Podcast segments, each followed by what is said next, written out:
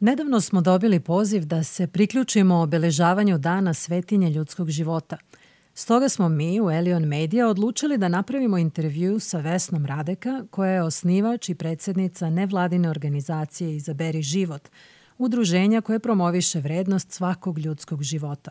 U ovom intervju Vesna će nam malo više objasniti šta podrazumevamo pod danom svetinje ljudskog života i šta time želimo da postignemo. Hvala vam na vašoj inicijativi i pozivu da obeležimo ovaj veoma važan dan. Da li možete pre svega da nam objasnite šta je to etika svetinje ljudskog života? Da bih objasnila pojam etike svetinje ljudskog života, polazna tačka bi svakako bila da se svi zajedno podsjetimo na samu definiciju etike. Etika se bavi izučavanjem morala – i ona nastoji da reši pitanja ljudske moralnosti tako što definiše koncepte kao što su dobro i zlo, ispravno i pogrešno, šta je vrlina, šta je porok i tako dalje. Cilj etike je da pomogne čoveku u suočavanju sa tim etičkim problemima, kao i da ga na neki način usmeri ka ispravnom izboru. Kada ja govorim o svetinji ljudskog života, ja govorim iz perspektive hrišćanske etike, koja odražava hrišćanski pogled na svet. U čijoj srži naravno i verovanje da je Bog stvoritelj svega, a da su ljudska bića stvorena po njegovom obličju. Nositi obličje stvoritelja jeste privilegija data samo ljudima i ni jedno drugo stvorenje ne može to uslovno rečeno ne može to da tvrdi. Svako od nas jeste obdaren dodirom samog Boga. Zato govorimo o svetinji ljudskog života, jer to dostojanstvo koje nosimo se zasniva na nečem izvan naših karakteristika ili naših sposobnosti, ono je ukorenjeno u suštini znači samog Boga. Svetinja ljudskog života znači da svaka osoba od začeća pa do prirodne smrti poseduje prirođenu, nemerljivu vrednost i dostojanstvo, što uključuje čoveka u svim fazama prenatalnog razvoja, što uključuje ljude u njihovoj starosti, ljude u terminalnoj fazi bolesti, pojedince sa posebnim potrebama i sve društveno marginalizovane grupe ljudi. Ako se ne varam, e, obeležavanje dana svetinja ljudskog života je započelo u Americi kao odgovor na legalizaciju abortusa. Da li možete malo više da nam kažete o tome od kada i zbog čega se dan svetinja ljudskog života obeležava u svetu? Na primeru Sjedinjenih američkih država vidimo da je upravo čin legalizacije abortusa 22. januara 1973 učinio da ljudi koji neguju hrišćansku etiku konačno odreaguju na tako jednu ozbiljnu povredu svetinje ljudskog života. Ali trebale su im svakako godine dok se nisu ozbiljnije organizovali i podigli glas u prilog zaštite života nerođenog deteta deseta godina nakon legalizacije abortusa, tačnije 1984. američki predsednik e, Ronald Reagan je ustanovio nacionalni dan svetinje ljudskog života i takođe svake godine se u januaru u Vašingtonu održava i marš za život. Neke od zemalja u kojima je većinsko stanovništvo katoličke veroispovesti takođe obeležavaju nacionalni dan svetinje ljudskog života. Poljska obeležava 25. marta, jer je na taj datum 1995. godine objavljena enciklika pape Jovana Pavla II, u kojoj on daje predlog da se svake godine u svakoj zemlji obeležava dan života.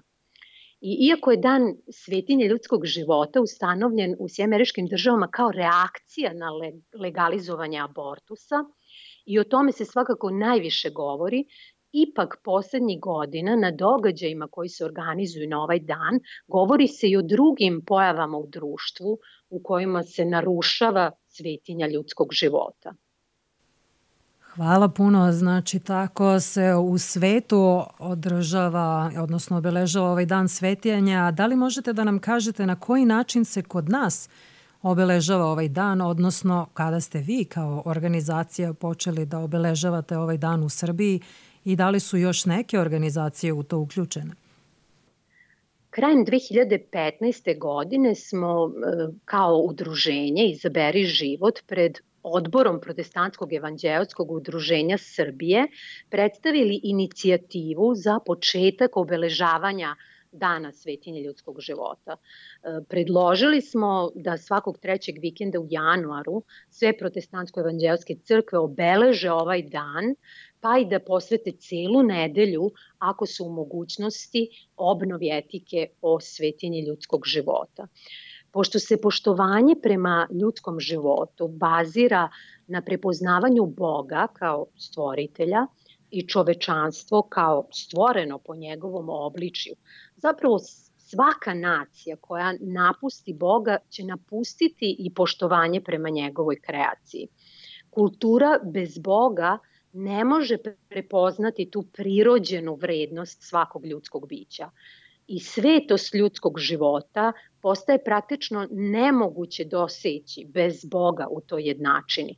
Tako da je za mene, za nas u udruženju, bilo sasvim prirodno započeti razgovor o svetinji ljudskog života u našim crkvama. Nemam podataka tačni koliko se lokalnih crkava do sada priključilo ovoj inicijativi, ali verujemo u njenu važnost i da će svake godine još širi krug ljudi, crkava, organizacija početi da obeležava Dan svetinje ljudskog života. Dakle, ovo je onda već treća godina od kako obeležavate ovaj dan u Srbiji i podižete svest o vrednosti ljudskog života. Da li možete da podelite sa nama na koji način je do sada ovaj dan bio obeležen kod nas? Mi smo zamislili e, kao udruženje da dešavanja vezana za Dan svetinja ljudskog života svaka lokalna crkva ili organizacija može organizovati onako kako želi. Osnovna ideja jeste da postoji jasna poruka o svetinji ljudskog života kroz reč, muziku, neku kreativnu radionicu. Moja koleginica iz udruženja jedne godine pripremila radionicu recimo za najmlađe, za decu e, predškolskog uzrasta na temu rasta i razvoja bebe u majčinoj utrobi. Da bismo eto i decu, malenu decu, naučili o čudu života i to je zaista bilo sjajno. Takođe, svi koji se priključe inicijativi mogu samostalno odlučiti iz godine u godinu da li će staviti naglasak na kategoriju ljudi s posebnim potrebama, da li će staviti naglasak na pravo na život za nerođenu decu, da li će govoriti o problemima starih ljudi, o trgovini ljudima – i tako dalje. Svako može pozvati takođe i neku nevladinu organizaciju koja se bavi tim oblastima da predstavi svoj rad. To bi svakako otvorilo mogućnosti za raznu vrstu saradnje kroz volonterizam i pomoć kroz druge resurse. Dakle, zbog rasprostranjenosti i učestalosti abortusa, kad kažemo dan svetinja ljudskog života, uviđamo da je to možda i najveće pitanje kojim se bavi svetinja ljudskog života, ali nije jedino. Malo pre ste pomenuli nekoliko grupa, pa recite nam kojim se još sve pitanjima bavi svetinja ljudskog života. Danas možemo jasno da vidimo primere u našem društvu raznih situacija u kojima se ljudski život ne samo nevredno je, nego i uništava. Spomenuli ste abortus, to je ono što je veoma očigledno. U našoj zemlji naši stručnjaci, demografi procenjuju da se obavi oko 150.000 abortusa svake godine, a rodi se oko 65.000 beba. Ove brojke pokazuju da ne cenimo život. Zatim ako zauzmemo stav, kao i svi embriolozi ovoga sveta, da ljudski život počinje začećem, onda treba da nas brinu destruktivna istraživanja nad ljudskim embrionima. Zatim eutanazija, veliki pomak prema legalizovanom samoubistvu uz pomoć lekara u mnogim zemljama sveta. Osim toga, trgovina ljudima je pitanje svetinja ljudskog života, jer ljudi nisu roba. Takođe, u proteklih nekoliko godina toliko je bilo incidenata, nasilja u školama, nasilja u porodici. A da vrednujemo ljudsko biće pored nas, da vidimo dragoceno života, unikatno svakog bića, teže bismo dizali ruku jedni na druge ili se nasilnički ponašali u školama prema našim prema svojim vršnjacima. Zatim loš, loš stav u društvu prema ljudima s posebnim potrebama, prema starima. Prosto je očigledno da odsustvo ove etike o vrednosti života rezultira u uniženju ili uništenju ljudskog života. Ali želim da podvučem da osim nerođenog dete, deteta sve ostale kategorije ljudi imaju zaštitu zakona i prema mnogim međunarodnim konvencijama imaju i mnoga prava. Jedino nerođeno ljudsko biće nema svoj glas. Tako da ja lično verujem da imam obavezu da budem glas za život nerođenog deteta. Da, u vašem pozivu ste napomenuli da u današnjem svetu moramo znati argumente kako bismo odbranili život nerođenog deteta i imati informacije o marginalizovanim grupama, da moramo znati o destruktivnim istraživanjima nad embrionalnim matičnim ćelijama i interesovati se za trenutni stav Etičke komisije Srpskog lekarskog društva o eutanaziji – Da li možete da nam navedete neke od tih argumenta kojima možemo odbraniti život nerođenog deteta ili neke informacije o tim marginalizovanim grupama? Ja duboko verujem da sve ove oblasti treba da nas interesuju. Kada čujete na televiziji da će tema emisije biti o istraživanjima nad embrionalnim matičnim ćelijama ili o eutanaziji, zaustavite se i poslušajte – Ja ni u kom slučaju ne tvrdim da znam sve, ali znam više nego što sam znala pre nekoliko godina. I trudim se da saznam i više. Jer verujem da imamo obavezu kao hrišćani da vrednujemo i zaštitimo život.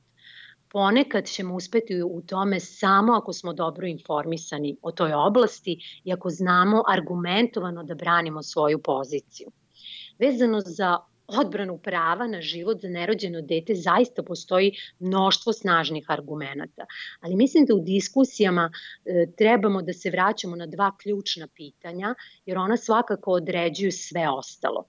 Prvo je da li je ljudsko to jest da li ljudsko biće, svako ljudsko biće u svojoj suštini ima moralnu vrednost, a drugo pitanje je da li je embrion, odnosno fetus koji se razvija, da li je ljudsko biće internacionalna zajednica prepoznaje ovu suštinsku moralnu vrednost ljudskih bića, što je iskazano u Univerzalnoj deklaraciji Ujedinjenih nacija o ljudskim pravima.